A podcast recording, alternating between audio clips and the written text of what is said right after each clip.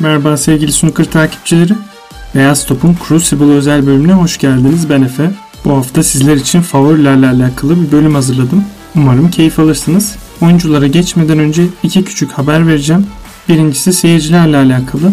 Seyirci kararında bu noktadan sonra bir değişiklik beklemiyorum. Crucible ilk turda %33 kapasiteyle seyircileri kabul etti. İkinci turda bu oran %50'ye, çeyrek ve yarı finallerde 75'e, finalde ise 100'e çıkacak. Dolayısıyla eski günleri birkaç günlüğüne de olsa yad etmiş olacağız. Finalin hakemi de tabii ki belli oldu. 2021 Dünya Snooker Şampiyonası'nın finalini Paul Collier yönetecek.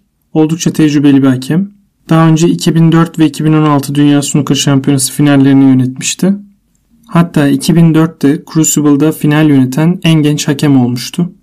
Bu ünvanı geçtiğimiz sene kendisinden Alman hakem Marcel Eckart aldı. Duyurularımız bittiğine göre artık favori oyunculara geçebiliriz.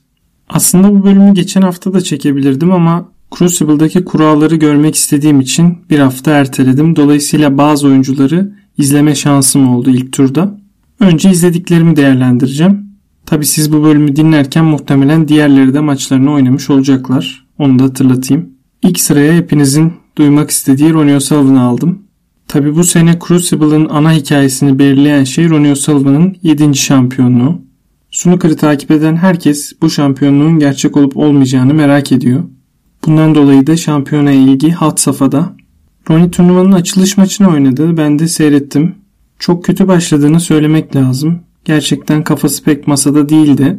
Daha sonra Ronnie bunu fazla düşünme alışkanlığıyla açıkladı. Kendisi masadayken yeni teknikler denemekten oyununa odaklanamamış. Zaten bu tarz sıkıntılar çıkabileceğini düşündüğü için de uzun yıllardır çalıştığı spor psikiyatristi Steve Peters'ı yanında getirmiş. Tabi burada Ronnie'nin karşısında Mark Joyce dışında başka bir rakip olsaydı işler farklı ilerleyebilirdi. Ancak Mark Joyce 15 yıllık kariyerinde ilk kez bir Crucible maçına çıkan bir oyuncu. Aslında kaliteli, becerikli diyebileceğimiz bir oyuncu. Fakat bu tarz arenalarda tecrübesi oldukça az.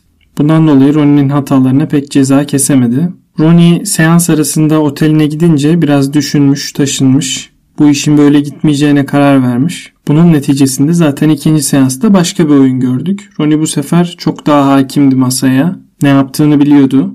Nitekim performansı da yükselerek gitti. Maçın son 3 frame'inde 300'lük seri yaptı. İkinci turdaki rakibi de belli oldu bu arada. Anthony McGill ile oynayacak. Bu ikili aslında geçtiğimiz sene finalde de karşılaşabilirlerdi. Kyrie Wilson ve Anthony McGill arasındaki maçı hatırlıyorsunuzdur hepiniz. Çok çok dramatik ve sürpriz bir sonu vardı maçın. Kyrie Wilson bir şans potuyla avantajı eline geçirmiş sonra da maçı kazanmıştı. McGill de finalin kıyısından dönmüştü böylece. Bakalım bu sene Ronnie ile Anthony karşı karşıya gelecek. Anthony de çok iyi oynadı onu da seyrettim. Ricky Walden'ı yendi. Maç içerisinde çok zekice uyguladığı vuruşlar vardı. Ben şahsen çok beğendim Anthony'yi. Tabi Ronnie'ye karşı ne yapar onu göreceğiz. Ronnie'nin fikstürünün de hiç fena olmadığını ekleyelim ve Neil Robertson'a geçelim.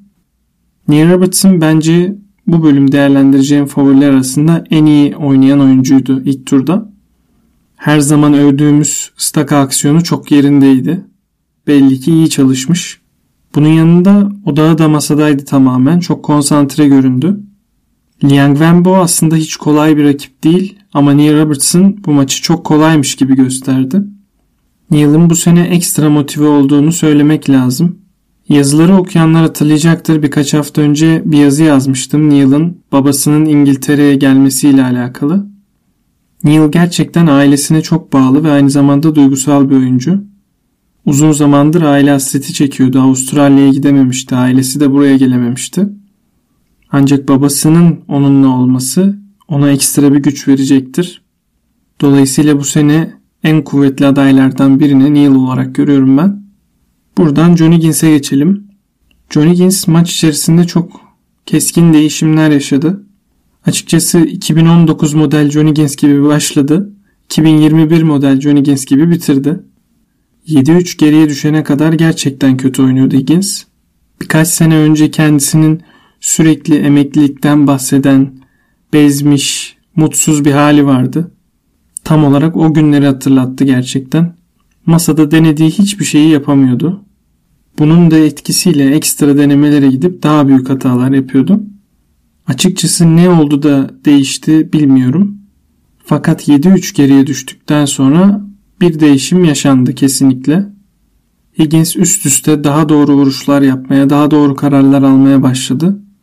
Bunun neticesinde de rakibi Tian Pengfei'yi baya bir baskı altına aldı. Cesur denemelerinde yüksek başarı elde eden Tian artık o yüzdeleri yakalayamamaya başladı. Higgins de üst üste birkaç frame kazanınca özgüvenini tekrar elde etti. Farkı kapatınca da tamamen kendini buldu.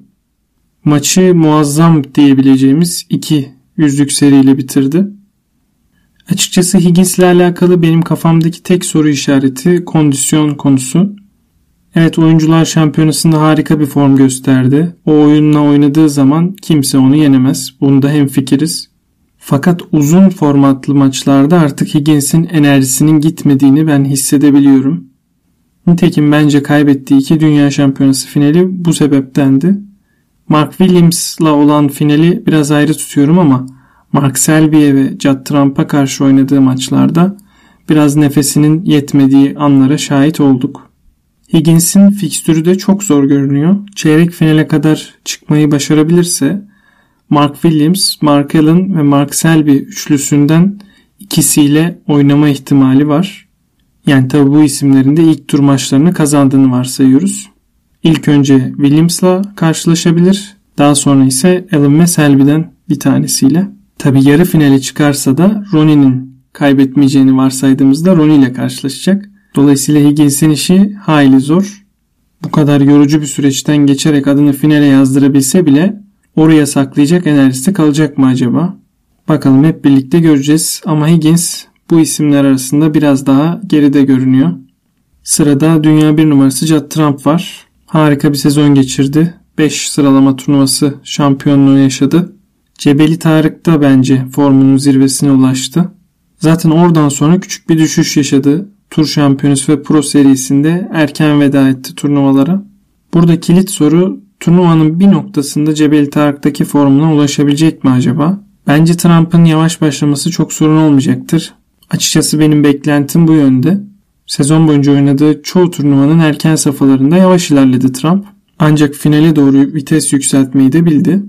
Saydığımız isimler arasında bence fikstürü en güzel olan Trump. Yarı finale kadar ben bir engelle karşılaşacağını düşünmüyorum. Tabi Yan Bingtao, Sean Murphy gibi isimler var ama bence Trump bu isimlere Dünya Snooker Şampiyonası'nda geçit vermez. Eğer snooker'ı belli bir süreliğine domine etmek istiyorsa Trump'ın bu sene kazanması gerekiyor. Tarihte küçük ya da büyük periyotları domine etmiş oyunculara baktığımızda da bunu görüyoruz. Evet Crucible lanetini yenmeyi kimse başaramadı. Trump da geçen sene çeyrek finalde Kyrie takılmıştı. Ancak Steve Davis, Steven Hendry, Mark Selby örneklerine baktığımızda lanete takıldıktan bir sene sonra tekrar şampiyon olduklarını görüyoruz. Trump'ta eğer bu potansiyel varsa ki olduğunu hepimiz biliyoruz, adını tarihe yazdırmak istiyorsa bence bu sene Judd Trump şampiyon olmalı. Olacak ya da olmasını istiyorum anlamında söylemiyorum. Ama eğer gerçekten tarihin en iyi oyuncularından bir tanesi olmak istiyorsa bence bu sene mutlaka şampiyon olmalı.